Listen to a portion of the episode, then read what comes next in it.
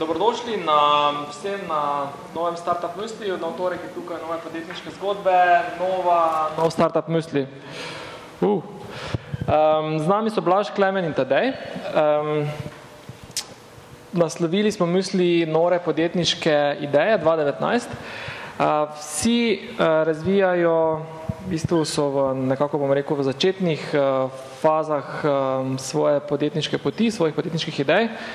In nekako leitmotiv ali pa tema današnjega pogovora bo, ne, um, kako bodo fanti s svojimi ekipami prišli do prvega milijona od tu, kje so danes. Um, zdaj, to vprašanje nas bo vodilo čez v bistvu cel, cel pogovor. Uh, za vas pa smo pripravili tudi anketo, uh, ki jo najdete na spletni strani slajdu.com. Uh, lahko lepo zdaj ta čas, ko se fantje predstavljajo, lahko odprete vaše mobilce, gledate na slajdu.com, pišete hashtag oziroma ime dogodka misli in tam glasujete, uh, katero podjetje vas bo najbolj prepričalo oziroma katero podjetje bo po vašem mnenju prvo prišlo do milijona evrov prihodkov. Ok, da pa zdaj vemo sploh uh, o katerih podjetjih uh, in koga imamo tukaj pred nami, pa tukaj prosim zblažem, da se na kratko predstavite. Simon pravi, okay. Dela, kratko predstavite, kdo ste in kaj počnete? Ja, lep zdrav, moje, moje ime je Blaž Kopin.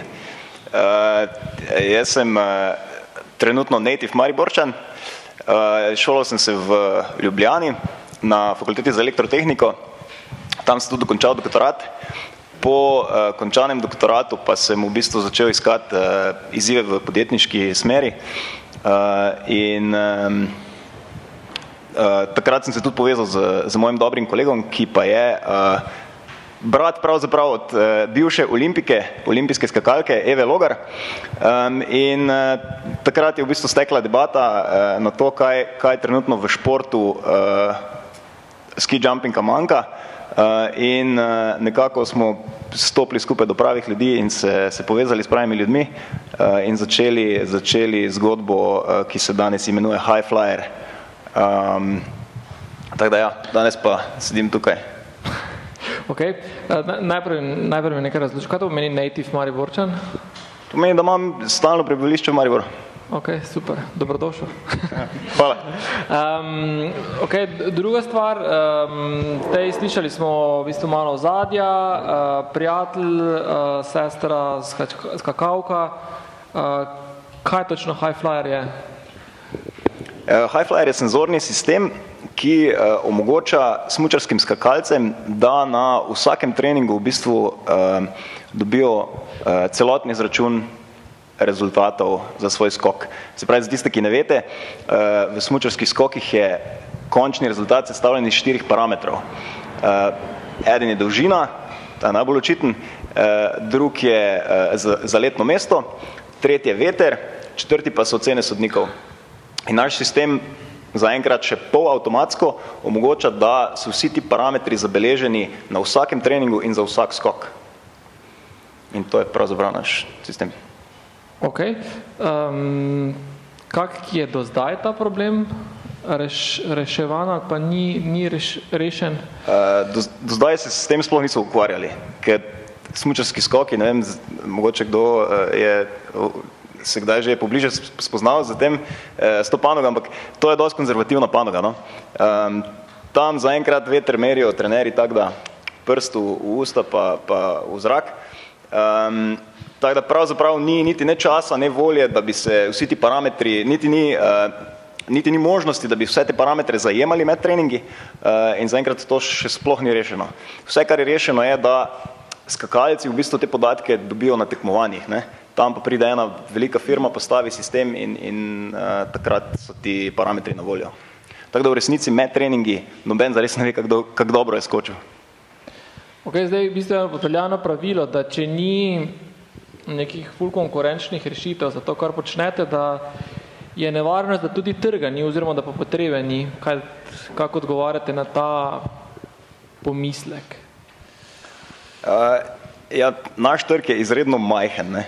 Um, tudi vse potencijalne stranke, ki jih imamo, bi jih lahko uh, zelo hitro najdli, identificirali.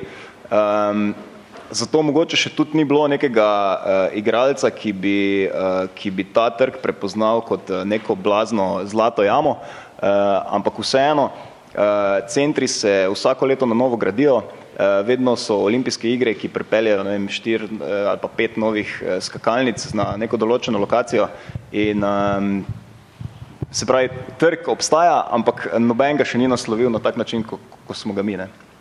Okay. Zakaj mislite, da bo ravno prav vam uspelo? Um, imamo tehnično znanje in pa dobre povezave v sam vrh v bistvu um, vrhunskega športa. Uh -huh. uh, imamo, v bistvu smo povezani z Jelkotom Grosom, z njim sodelujemo največ pri razvoju aplikacije. Um, on je tudi strokovni, se pravi, uh, vodja strokovnega sveta za nordijske športe uh, in nam da veliko feedbacka, kaj bi trenerje zanimalo, uh, kaj naj naša aplikacija uh, omogoča in tudi še posebej, kaj naj ne omogoča.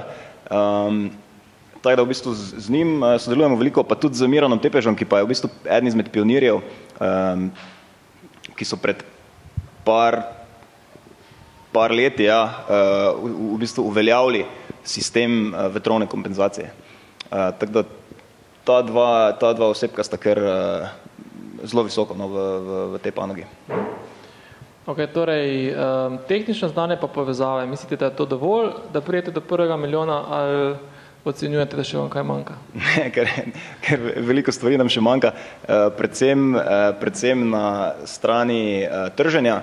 Um, zavedamo se, da to so neki uh, veliki, veliki sistemi, se, v katerih se kolesje počasi obračajo in je uh, tudi treba imeti, um, se pravi, to uh, tržno, uh, tržno podporo zadaj um, oziroma ljudi, ki bodo bili pripravljeni hoditi in prodajati in se, uh, in se izpostavljati na sestankih.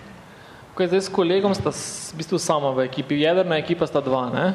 Tako je. Okay koliko podjetij ali pa v koliko podjetniških zgodbah sta pred Highflyerjem sodelovala? Uh, vsak smo malo pomagala pri, kaki, uh, pri, kaki, pri kakem start-up uh, projektu, uh, eni bolj uspešno, drugi manj, uh, ampak nikoli nismo zares, da bi šla full time, uh, full commitment v, v nobeno zgodbo. Okay. Sta pred tem podjetjem imela redne službe ali je to iz študentskega statusa? V... Ne, oba smo imela v bistvu uh, redne službe, pa tudi kar dobro plačane. Uh -huh. uh, Tako da to je bila čist, uh, čist ena taka ideja, ko pač sva si oba želela in sva tudi se za to odločila. Kakšni so bili komentarji mam, ko sta se povedala, da boste postila dobro plačane službe in štartala svojo podjetniško zgodbo? Ja, mame so bile vesele, ne, sam pol ko jih prosiš za denar, naj ti malo posodijo, ne, pol niso več, pol niso več toliko, ampak eh, all in all so, so, so bili kar vsi supportive. Ok, cool. Um, hvala. Um, toliko malo za vod. Um, naprej, Blaž nisi edina podjetniška zgodba, um, ki na področju športa še enega imamo športnika. Mogoče ti isto predstavite. Ja, pozdravljeni tudi z moje strani. Uh, moje ime je Tadej Glavač, sem prekmurec, Uh, Native prek Murec. ja. Uh, v bistvu magistr vasoslovja. Uh, v bistvu kot športnik, dosti sem se ukvarjal športom, še vedno se. Uh, vedno sem imel probleme z žulji, potnimi stopali. Uh, takrat sem začel moral raziskovati, pa ugotovil v bistvu, m, da so uh, bistvenega pomena pri ukvarjanju s kakršnim koli športom, se pravi, kjer je pač potrebna obutev. Uh, zelo pomembne nogavice, ne? ker pač uh, stopalo je opor na ploskev celotnega telesa in v bistvu nogavica služi kot neka pregrada med, uh, med kožo pa med, uh, med tlemi. Ne? Tako da v bistvu uh, sem pol ugotovil, ko so nogavice, še enkrat pravim, zelo pomembne. Uh, sem se povezal z ortopedi, fizioterapeuti, z strokovnjaki, ki delujejo na področju tkanin, s profesionalnimi športniki in smo v bistvu uh, nekako začeli razvijati, določali strukture materijalov, materijale, uh, na katere mesta uh, na nogavici te materijale postaviti, da v bistvu vsak material služi v točno določenemu namenu. Uh, to nam je v bistvu pol nekako uspevalo, ampak sproti smo uh, sodelovali z športniki, ki so uh, te nogavice tudi v bistvu sproti testirali, nam dajali neke povratne informacije, na podlagi katerih smo nogavice še dopolnjevali. Uh, v bistvu smo pol prišli do končnih prototipov, smo jih uh, še enkrat poslali športnikom, okrog uh, 200 prototipov je bilo poslanih športnikom Slovenije izven Slovenije. Več različnih disciplin, da so te nogavice potestirali in v bistvu podali povratne informacije, ker so bile povratne informacije zelo dobre, se pravi, športniki so občutili veliko razliko med nogavicami, ki so jih običajno uporabljali pri svoji aktivnosti, pa med našimi. Uh, smo se v bistvu odločili, uh, da v bistvu nogavice uh, damo na tržišče. Ne.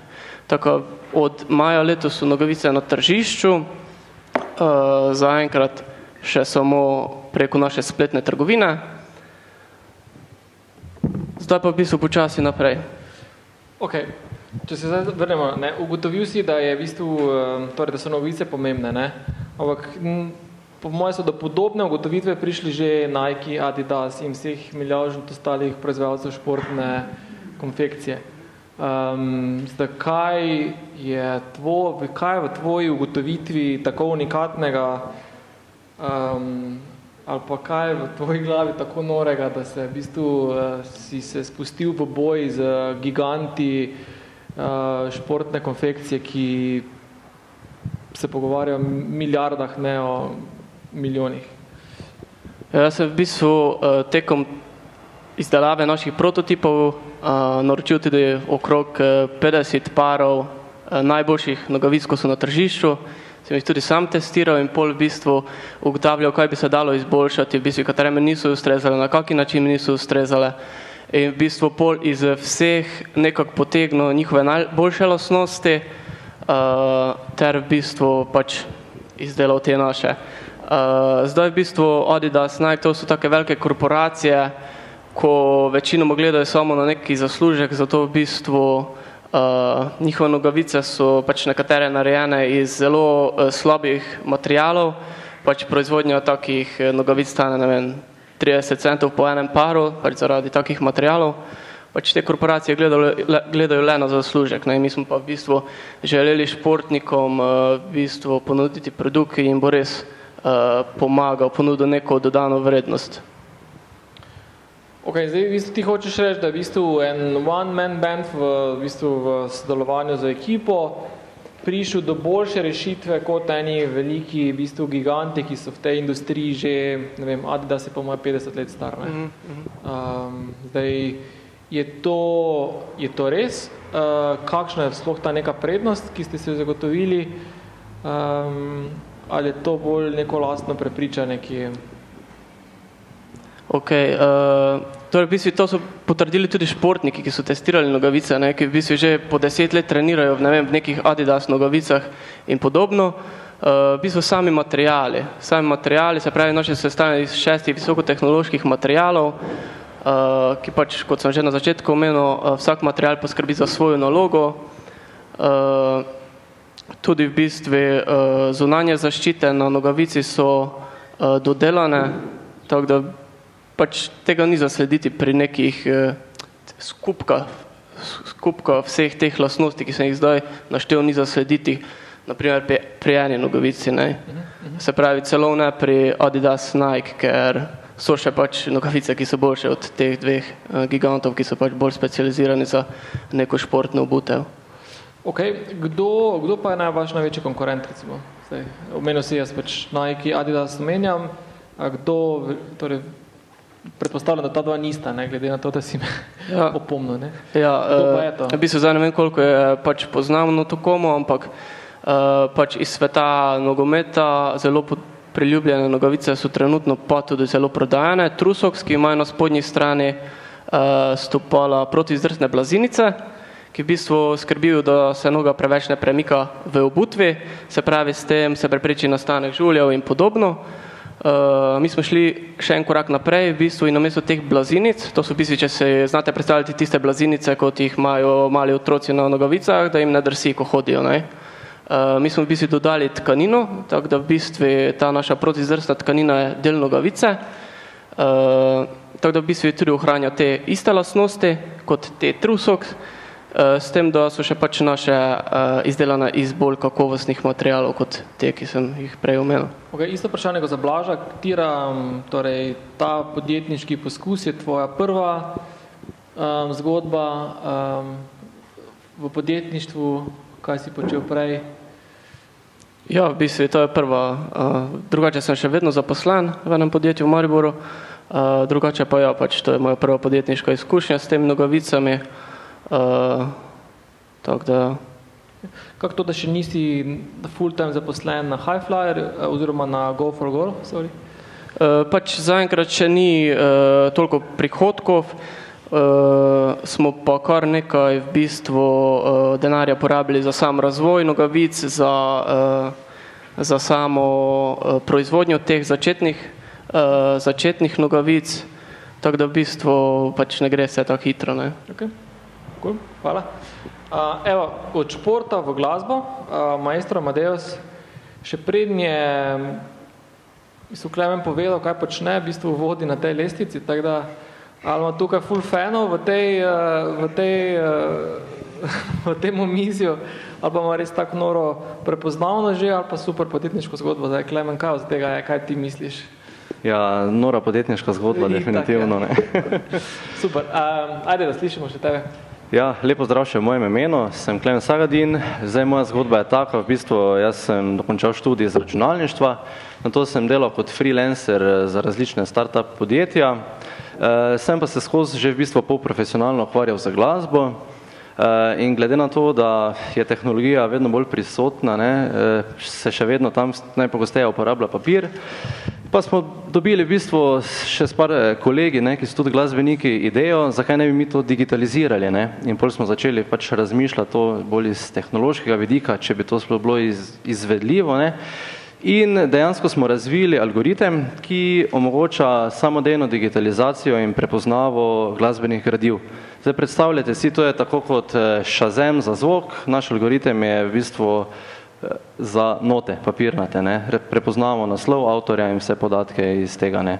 Ampak ker pač samega algoritma ne moreš eh, tržiti, ne? smo pač razmišljali širše, zdaj pa ker sem pač tudi sam glasbenik, smo potem prišli do neke rešitve oziroma ideje, dajmo mi to zapakirati v eno tako lušno platformo za glasbenike, ne, ki jim bo omogočalo od tega, da si v bistvu že obstoječa gradiva digitalizirajo v digitalno obliko, do tega, da jih potem tudi na samih vajah in odrih lahko učinkovito uporabljajo. Ne. In v bistvu zadeva dela tako, da sta del naše rešitve mobilna in spletna aplikacija in ko enkrat glasbenik svoja gradiva doda v našo platformo, se shranijo v cloud in potem lahko dostopa do vseh teh gradiv iz mobilne ali spletne aplikacije, mi pa omogočamo tu še potem napredne funkcionalnosti za uporabo teh gradiv, kot so samodejno obračanje strani, dodajanje notnih zapiskov in takšne funkcionalnosti dejansko, ki jih glasbeniki v praksi eh, rabijo. Ne. Tako da zdaj smo v bistvu eh, že v fazi, kjer imamo um, okrog 60 testnih userjev.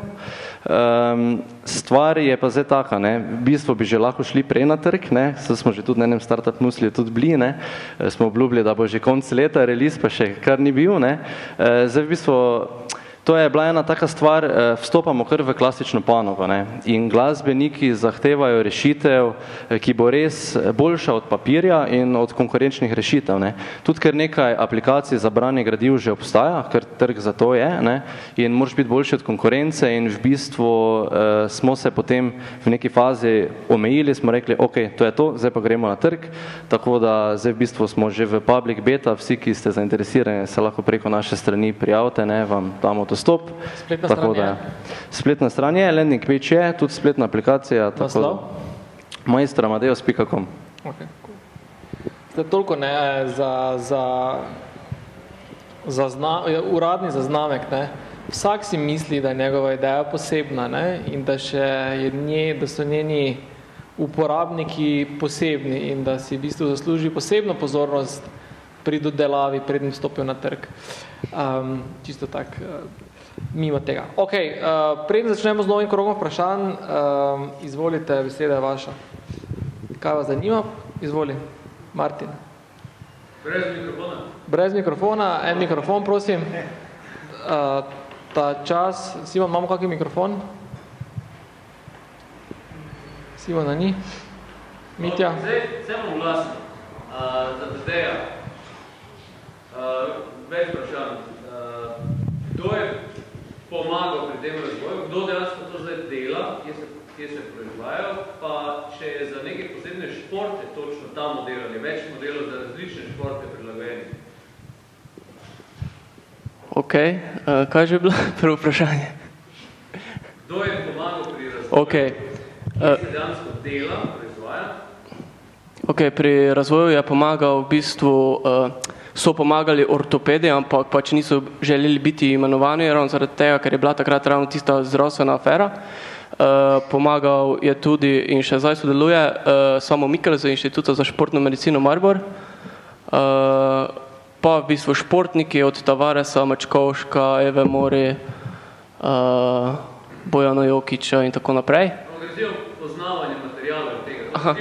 Ne, to pa v bistvu je predilnica Litija plus manjša, platilstva v Sloveniji, ki že so na trgu vem, 30 let in pač ustvarjajo nogavice. Uh, plus povezali smo se z Intersoxom iz Kočevja, ko je največji oziroma v bistvu vodilno podjetje, kar se tiče izdelave multifunkcijskih nogavic uh, na svetu.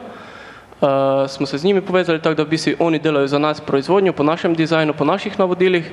Uh, pletil, pletilne stroje pa imajo v bistvu v Italiji. Uh, v bistvu v Sloveniji sploh nimajo, ampak pač v Italiji imajo in še drugod po Evropi, ampak za nas delajo v Italiji, ker je tam najlažji dostop do teh materijalov. Še eno vprašanje je bilo, če je to en model za vse športe, ali so različni modeli za različne športe, oziroma za katere športe ste pokrili? Ok, mi smo razvili uh, tri modele, se pravi model do gležnja, srednjega, to je ta, in v bistvu uh, dolgega do kolena z aktivno kompresijo, ampak v bistvu, ker je proizvodnja zelo draga zaradi teh uh, dragih materijalov, smo zdaj pač na začetku lansirali na tržišče oziroma dali v proizvodnjo samo srednji model, ker je v bistvu pokriva največ športov. Uh, primerni so pa v bistvu za pač kaj bi prav za, za vse ravno ne, dobro, ali tudi za plavalce, saj ne trenirajo vedno v bazenu, ne. Uh, se pravi, košarka, odbojka, te, eh, ti moštveni športi, uh, skateboarding, uh, kaj smo imeli v bistvu, uh, boks, Dejan Zavec je tudi testiral, zdaj testira tudi Tomaž Barada še, uh, tako da Ok, Golf for Goal, um, da spodbudimo malo debato, je Golf for Goal velikodušno se odločil, da bo eh, vprašanja nagradil. Tri prva vprašanja bomo nagradili, tako da Martin, ti si eh, srečni dobitnik eh, teh... Ne, enega. Samo še številko naj se. A če pa je, pa je univerzalna številka. Ok, še imamo kako vprašanje v tem uh, krogu? Izvoli, kar na glas stani, povej, kdo si, pa za koga imaš vprašanje. Pa kako imaš številko noge?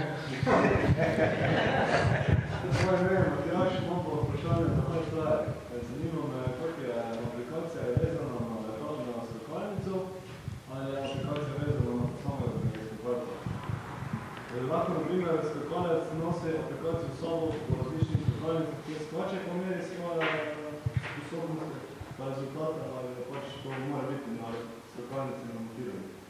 Ja, um, hvala za vprašanje. E, stvar je taka, trenutno... eh, Mikrofon. Trenutno, a ja, mikrofon. Pa se me slišiš, ne? Mikrofon. A ja, snemaš, ne? E, stvar je taka, trenutno e, imamo delujoč prototip e, na nordijskem centru Planica. Um, naša aplikacija, ko govorim jaz o aplikaciji, naša aplikacija obsega in software in hardware, ki je del skakalnice.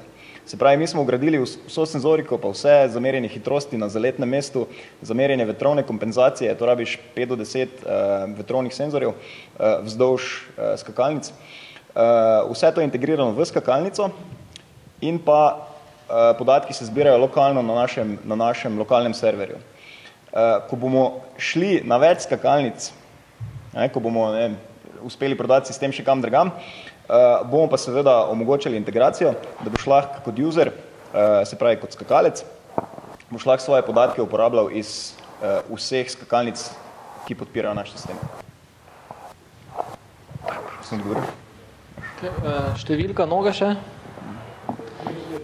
Ok, boste pol šli, prišli po koncu po nogavice. Hvala, izvoli. Ne.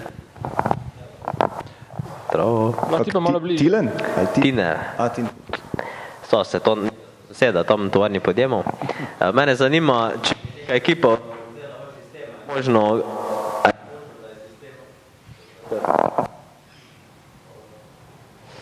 Kar, eh, Možno, da je vaš sistem um, prednostljiv, oziroma če bi se kupil en, pa ga ena ekipa uporablja, recimo en teden na Japonskem, drug teden, teden gre v Ameriko, je možno to razmontirati, pa postaviti drugam, ali je bistveno bolj biti uh, za uporabo na eni skakalnici.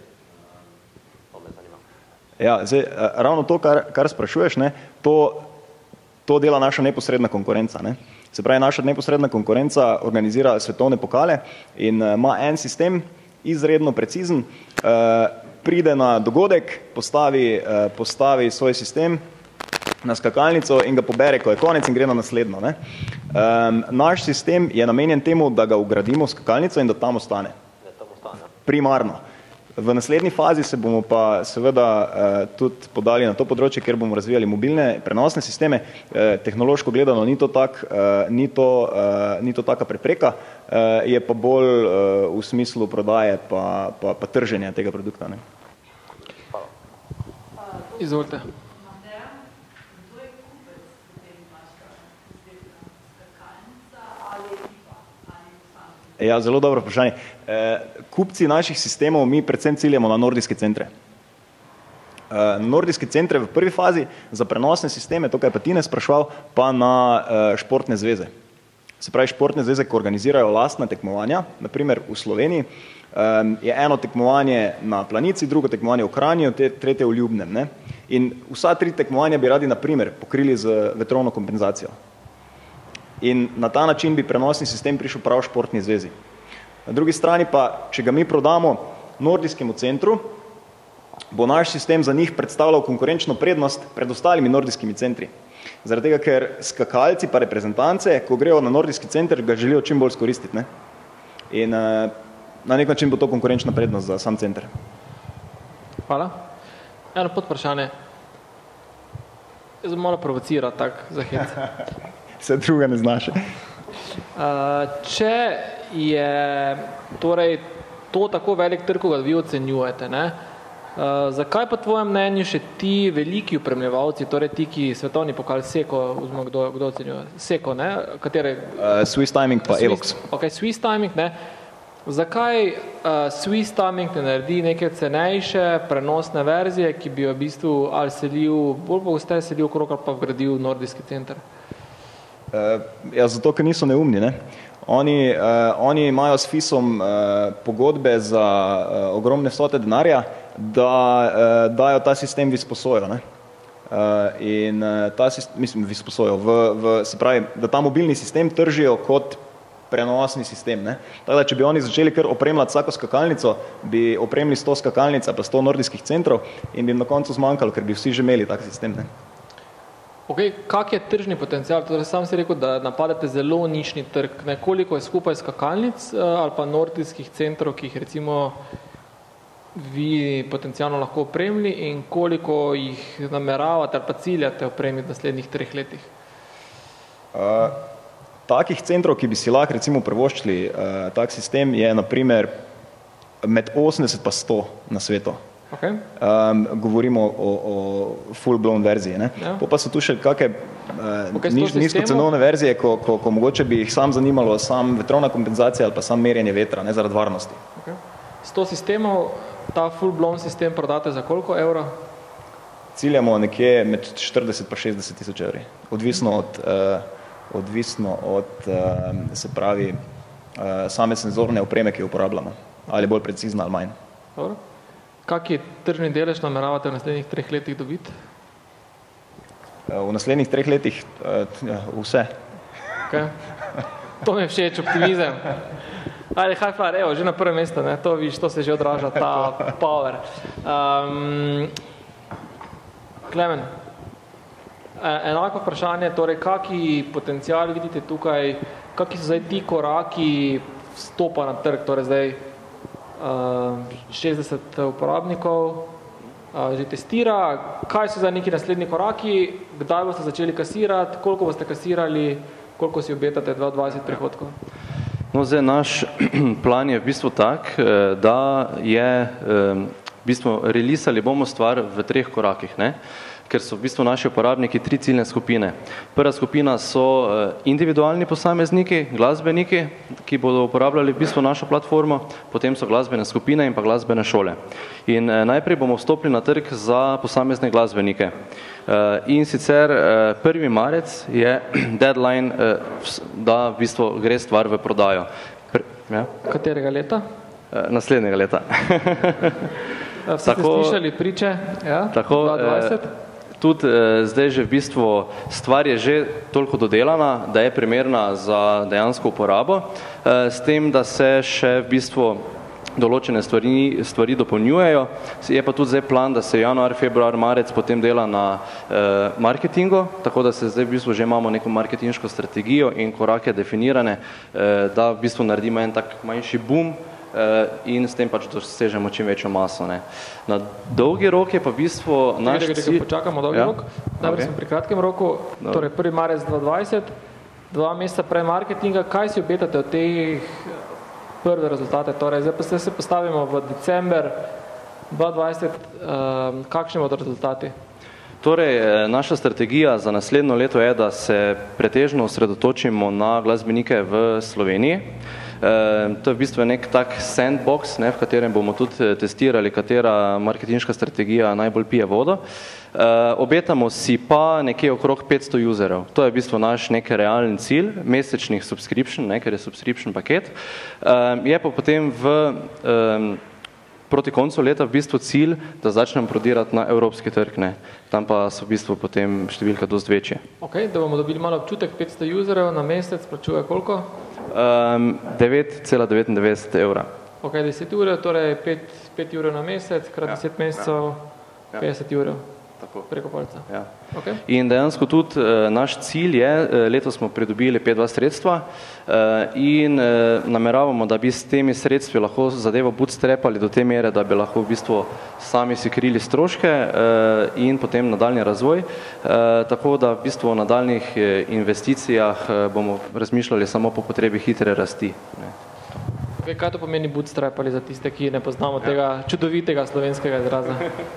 To pomeni, da bomo v bistvu razvoj eh, in pač vse, eh, krili za lastnimi sredstvi, ne? da smo v bistvu potem tudi mi 100% lastniki podjetja, da ne pridajo pač tuji partnerji v samo podjetje ne? z deležem. Kaj vas, na kak način ste prepričani ali pa ste preizkusili, da boste s to dvomesečno marketinško kampanjo dosegli 50 tisoč evrov prihodkov? Um, v bistvu prepričan eh, je težko biti ne, v teh eh, stvarih. Ne. Uh, gre v bistvu za neko tesno obdobje, kjer bomo testirali dejansko, kaj je najbolj, uh, v bistvu, na, najbolj produktivno. Ne. Uh, in ravno zato smo pač si zadali neko testno obdobje, da začnemo že z marketingom januarja in delamo validacijo eh, in potem tudi do konca leta se osredotočimo na slovenski trg, da se ti marketinški temelji postavijo do te mere, da v bistvu potem samo skelamo. Ne. Okay. Zakaj ta odločitev najprej slovenski trg, zakaj ne najprej avstrijski trg, ki je petkrat večji? Pa ena cela ali pa dva, dva, dva, dvakrat bogatejši od slovenskega. V bistvu eh, prvi razlog je zato, ker eh, že imamo dosti povezav v Sloveniji, ne, za, eh, pač poznamo dosti... To, glede na to, da ste, prosim, da te prekinjam, ja. glede na to, da ste v fazi validacije tržnega modela, ali misliš, da je to, da nekoga poznaš, pa da imate veze in poznanstva prednost ali slabost? To je definitivno slabost, ne, če govorimo globalno gledano. Ne. Ampak eh, dejstvo je, da Slovenija je, kar se tiče glasbenega trga, trga ne, eh, nadpoprečno. Ne. Pri nas imamo nadpoprečno število glasbenikov, tako profesionalnih kot amaterskih in smo zaradi tega v bistvu odlična eh, lokacija za testiranje take marketinške strategije za prvi vstop na trg. Eh, tudi eh, ena druga stvar pa še je tudi oglas in to je vse je dokaj poceni na, na, napram drugim državam. Ne. Tako da en razlog je definitivno pač tudi eh, so stroški marketinga, eh, drug razlog pa je tudi zato, ker lahko stranke bolj neposredno tudi kontaktiramo z njimi, še pač v tej začetni fazi dobivamo feedback in tako ne. Naslednji trg bo v kateri? Eh, Potem nameravamo predvsem Avstrija, Nemčija, Švica ne, in pa potem Evropa kot celota. Zagotovo ste si že izračunali te ključne kazalnike, torej strošek pridobitve enega uporabnika, customer acquisition cost, um, kako bom rekel, potem je vrednost, življenjska vrednost ene stranke, lifetime value, koliko so ti kazalniki, koliko so ti koeficienti.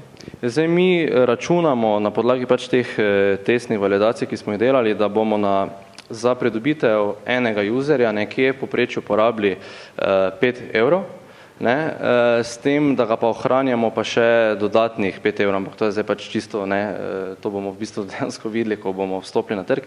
Tudi zaradi tega, ker se te uh, številke lahko zelo varirajo, ne, smo rekli, da se bomo najprej pač omejili na Slovenijo in potem naprej, nekaj se tiče pač prodaje. Ne. Torej, koliko vas bo v uporabnik v Švici stal draže kot uporabnik v Sloveniji?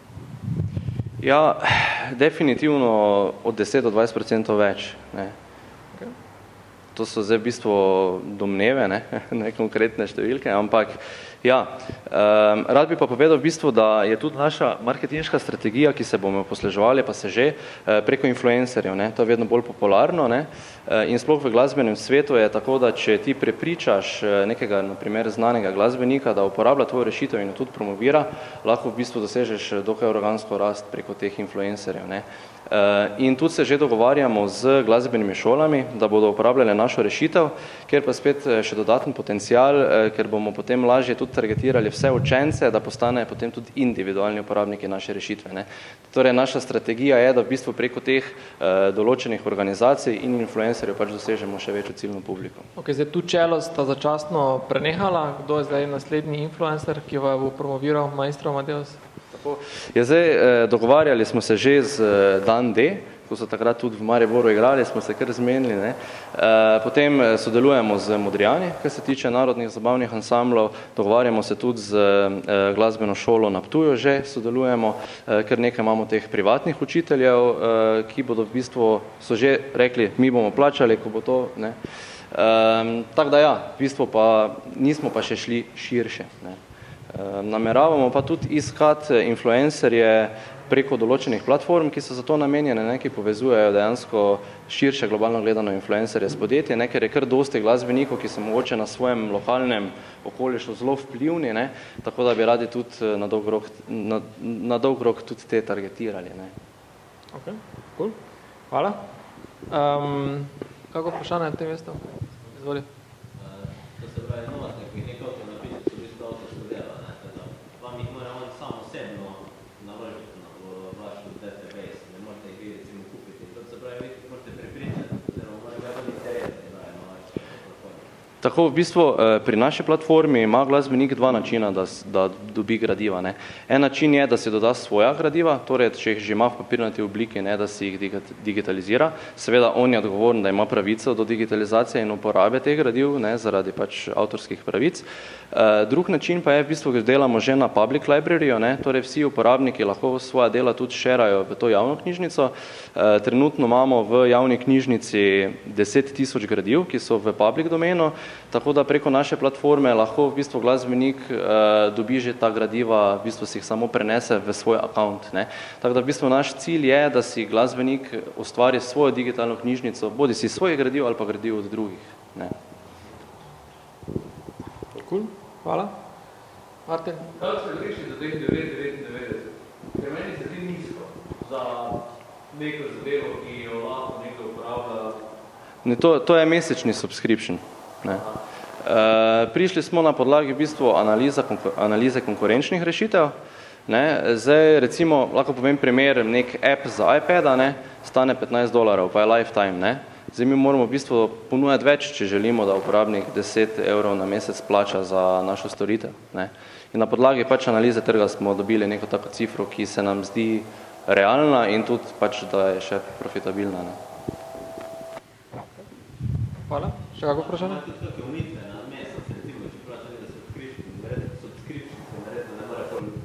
Ne ne. No, zdaj v bistvu, uh, ja, um, če se on plača subscription, lahko doda neomejeno število pesmi, ampak je pa storage limit, ne. 15 giga trenutno imamo uh, limita, ne, če ste to vprašali. Uh, tako da se lahko pač glasbenik doda toliko gradiv v bistvu, ne, v cloud. Pa- Pardon, v bistvu sem rekel, če sem jaz kupec, pa hočem note potegniti dol. Ja, vi si, vi si jih potegnete v svoj account ne, na naši platformi in jih lahko pač uporabljate preko naše mobilne aplikacije ali pa spletne strani. Hvala. Um, naprej vprašanje, torej tvoja pot do prvega milijona. Torej, kaj so zdaj naslednji koraki? Koliko zdaj prodaš uh, nogavic uh, na mesec? Koliko tebe stane, da pridobiš eno stranko oziroma enega kupca, prodaš ene nogavice? Uh, in kaj so neki naslednji koraki? Okay, mi smo, uh, boš pustil službo? mi smo nogavice v bistvu lansirali eh, meseca maja na tržišče. Uh, od prva dva meseca nismo delali uh, skoraj nič plačljivih oglasov preko Facebooka. Uh, Zakaj ne? Pač zaradi toho, ker pač ni bilo potrebno. Ne. Je v bistvu smo, uh, ker smo predtem, ko, ko smo lansirali nogavice na tržišče, v bistvu delali tudi ogromno marketinga, ker smo bili na Indiegogo platformi, to je v bistvu podobno kot Kickstarter, ampak pač na tisti platformi nismo uspeli zbrati dovolj sredstev za zagon proizvodnje, pač smo naredili kar nekaj napak. Katere bi izpostavil? Uh, predvsem, predvsem to, da se nismo povezali z uh, marketinškimi hišami izven Slovenije. Ne. Se pravi, mi smo delali v bistvu z slovenskimi, s nekimi strokovnjaki, kateri so pač delali marketing v tujini, ampak pač to tako ne gre. Ne. Uh, imeli smo v bistvu tudi postavljeno, uh, postavljen malo previsok cilj za, za, za zbrati. Ne. Koliko ste imeli cilj, pa koliko ste zbrali? 50 tisoč smo imeli uh, cilj, zaradi tega, ker smo želeli na tržišče lansirati vse tri modele. Uh, zbrali smo nekje 1200, uh, pač pravim, ker smo delali pretežno v Sloveniji, pač ljudje v Sloveniji niso, niso toliko niso razumeli koncepta te platforme, se pravi, ti danes plačaš, dobiš eh, nogavico na dom oziroma produkt komaj za tri mesece. Ne. To je pač bilo nekaterim nerazumljivo, ampak mogli bi se pač povezati z nekimi organizacijami, klubi tudi v Sloveniji, pa v bistvu preden bi lansirali na tržišče oziroma pač na platformo, bi že mogli imeti neke kupce. Ne. V bistvu, kako bi mi lansirali, tako bi ti uporabniki že v bistvu uh, kupili. Skratka, uh, marca uh, ste štartali, kje ste danes, koliko danes prodate nogavic na mesec? Maja smo štartali. Maja ste štartali. Uh, prodamo nekje 50 nogavic na mesec, uh, trenutno, ampak to samo prek spletne trgovine. Uh, drugo je še pač osebni kontakti, ko me kontaktirajo ljudje. Uh, zdaj trenutno se dogovarjamo tudi z uh, malo večjimi uh, organizacijami oziroma pač tudi v Sloveniji, z klubi, organizacijami, kot so Olimpijski komitej Slovenije, Nogometna zveza, Košarkarska zveza, pa v bistvu tudi nogometni klubi. Pol v bistvu še pa imamo manevrskega prostora za vse ostale klube okay. uh, pač v Sloveniji. Uh, pa v bistvu delam tudi zdaj strategijo uh, za marketing izven Slovenije. Okay. Torej, še enkrat, isto vprašanje kot za vse ostale, a pa zaklemna, zakaj Slovenija najprej? Ja, isti odgovor, kot je on pač povedal, uh, imamo kar nekaj uh, povezav do organizacij, do posameznikov, ki pač nekaj veljajo v svetu športa. Tudi pač na tak način nekako uh, vstopaš do, do končnih oziroma ciljnih uporabnikov. Uh, tako da v bistvu zaradi tega, ne, v bistvu pa da uh, testiraš nekako tržišče ne, in pač Slovenija je pač mala in uh, fajn je testirati naprimer Slovenijo, ampak vem, da niso vsi pač vse države iste oziroma podobne. Koliko vas stra- stane, da v bistvu prodate eno nogavico? Uh, pač čisto odvisno, čisto odvisno, kako delamo.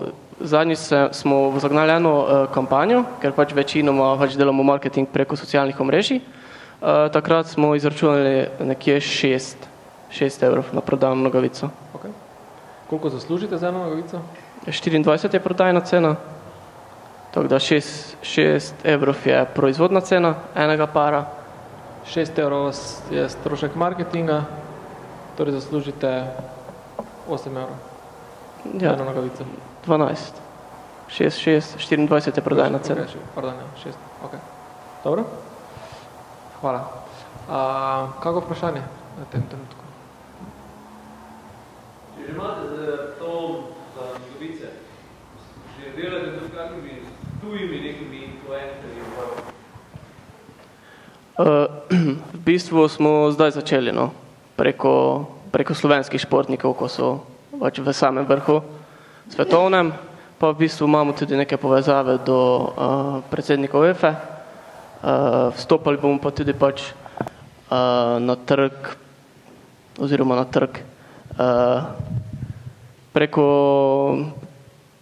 preko teh sejmov, preko sejmov uh, pač izven Slovenije.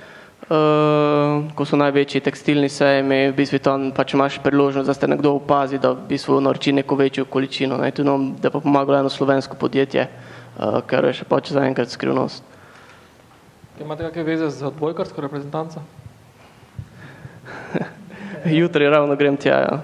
Okay. Torej bodo na finalu naši fantje zmagali z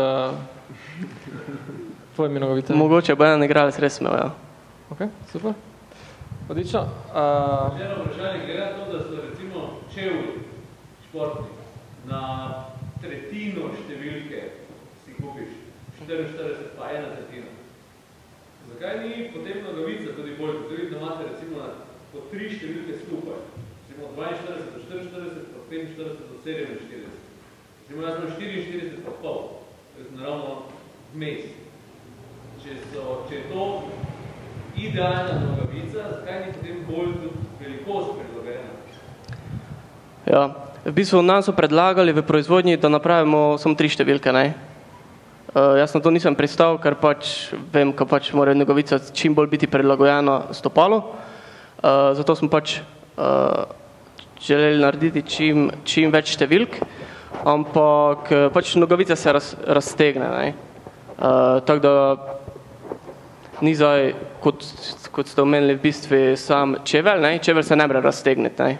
Če imate za eno številko ali dve številki pre, preveliko nogo, pač prst nabija naprej, ne? če je pa nogavica premajhna, se pa malo raztegne, ne? tako da ni tu nekega problema. Velik strošek, da bi naredili za, vem, za vsako številko, za dve številki, recimo. Ja, vse je povezano. Zdaj vas pomenilo po začetne investicije, ne mislim, koliko bo proizvodni ceni, pa koliko je zaloge, zdaj to spremenite. Kaj to pomeni? Tu ni nekih kalupov, ne vem, kak se to, ne vem, kak se to dobica dela. Ja, ja, vse je pač povezano z stroški. Ne? Uh, tudi, uh, tudi pač ne želijo toliko, kako bi prav, uh, ne želijo toliko delati, ker morajo to stroje na novo spreminjati. Ne? Ampak ja, če bi želel, bi ne naredili, ampak pravim, vse je povezano z stroški, plus tega ti pol ostajajo neke številke ne? V, v, v zalogi. Ne? Tako da to je, to je en manjši problem. No. okay. uh, tam,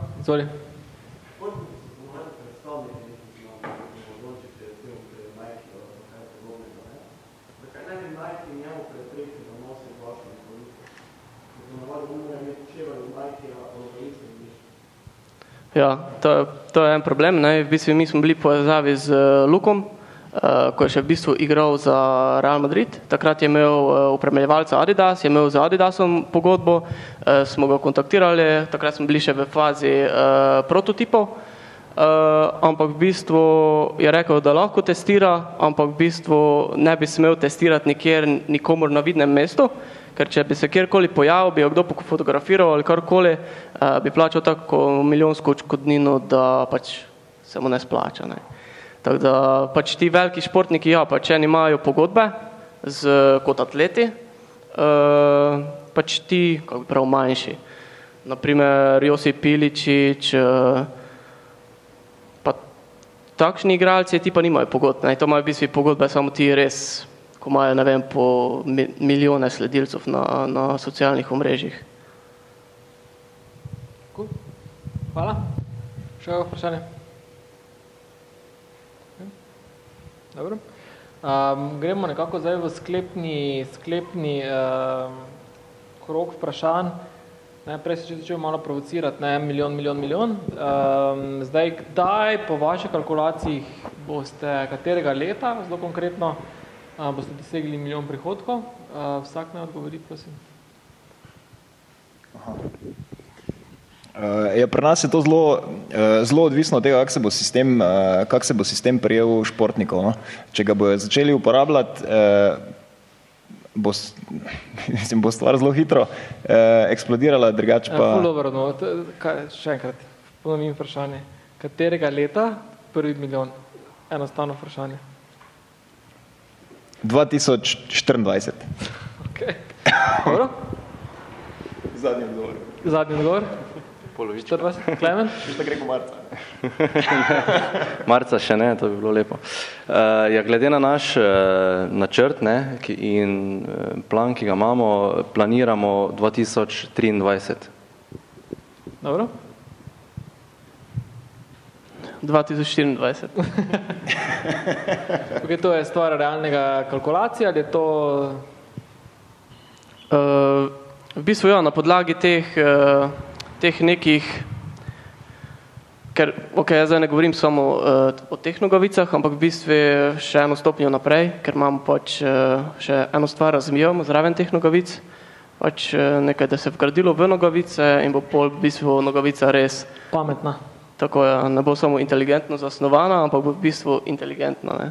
Tako da bo v bistvu znala meriti neki srčni utrip, razdaljo, kilometre, vse ne. Okay. Dobro.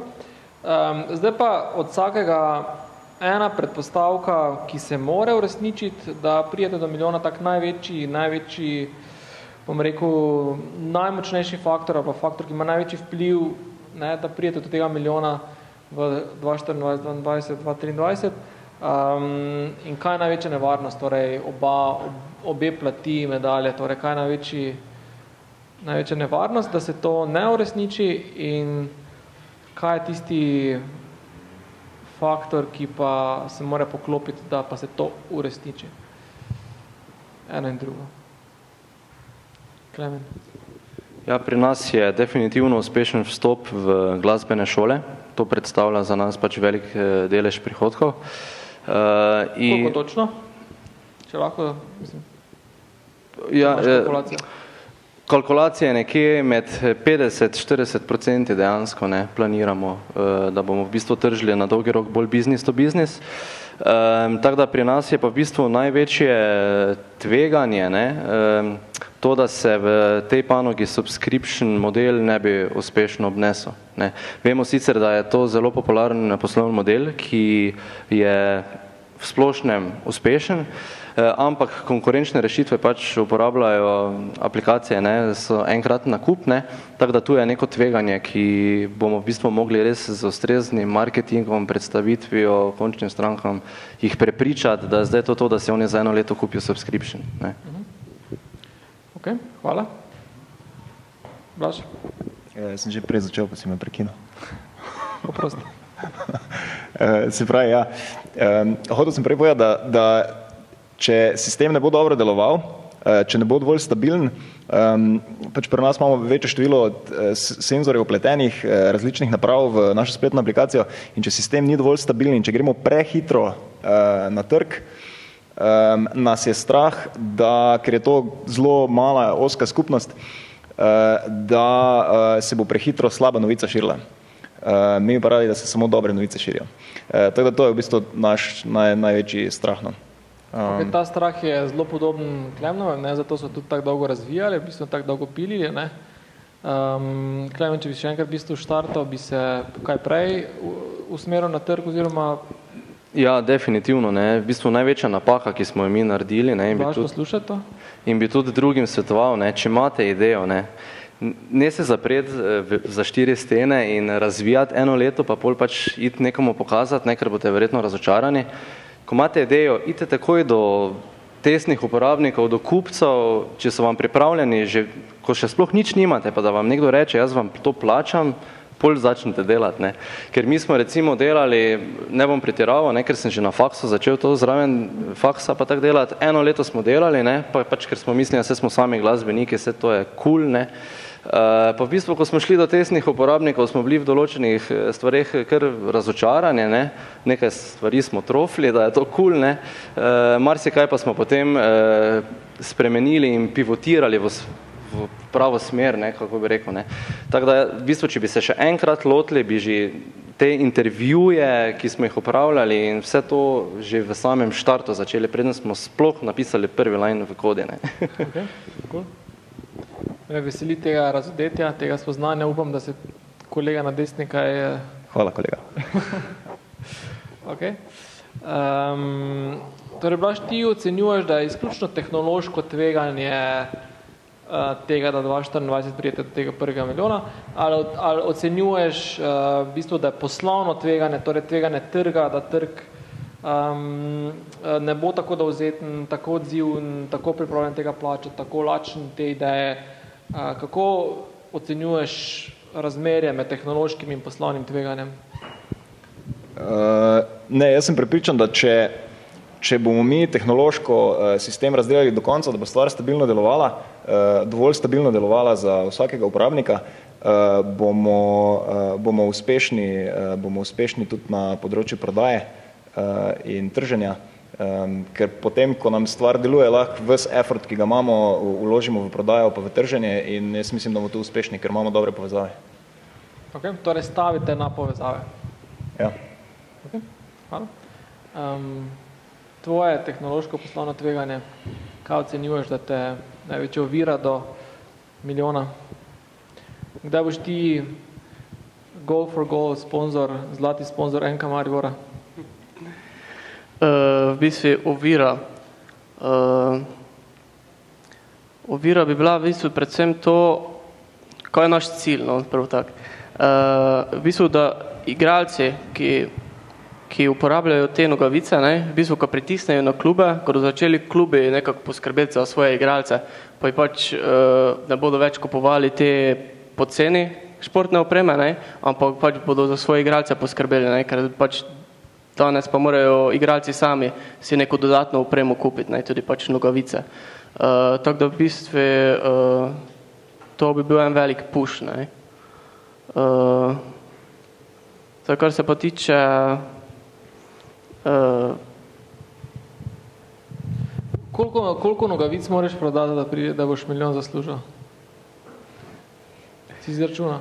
Ne. Ful je pomembna vizija, ne, podjetništvo, ne, da veš, koliko je, da si znaš, da si vizualiziraš ta uspeh, ne, ali je to cela kibla nogavic, je to en milijon, ali je to celi narodni dom nogavic, je to milijon, uh, da si to vizualiziraš, ne, tako da do naslednjič imaš nalogo, da vizualiziraš. Dogovorjeno. Ok, uh, zadnja priložnost za vaše vprašanja, um, zaključna sklepna misel.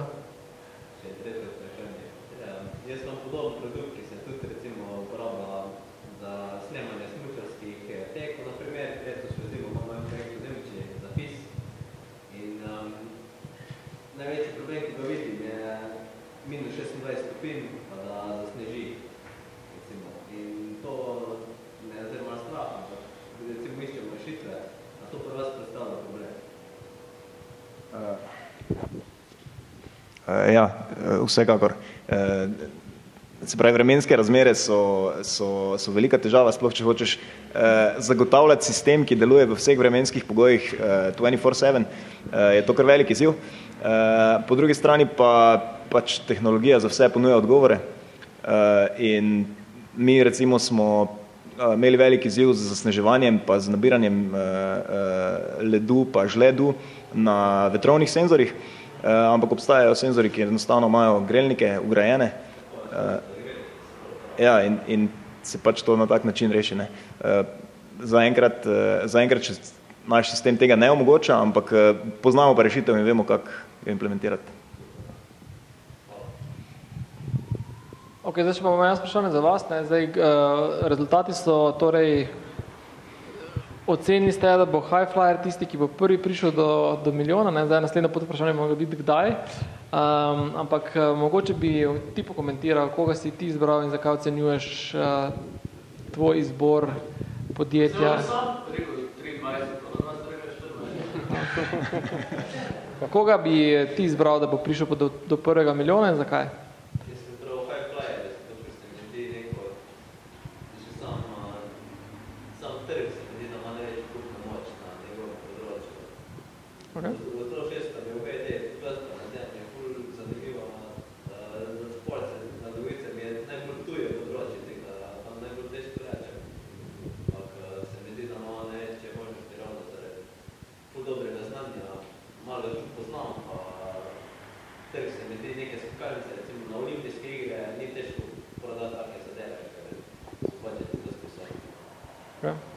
to je predpostavka, da ni težko prodati, ker so budžete visoke ali izkušnje ali... Upam, da izkušnje. okay. Eh, Martin, koga si ti izbral?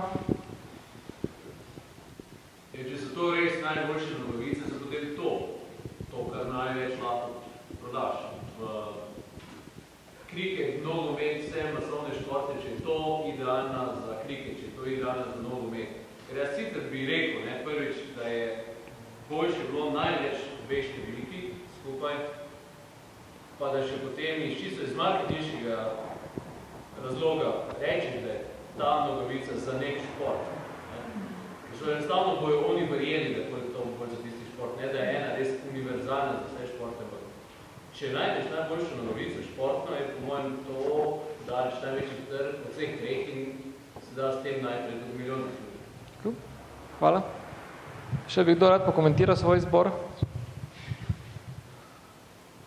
En, dva, tri. No, če ne pustim eh, to debato o prvem milijonu za ob eh, šanku, eh, vsem se iskreno zahvaljujem za to simpatično debato.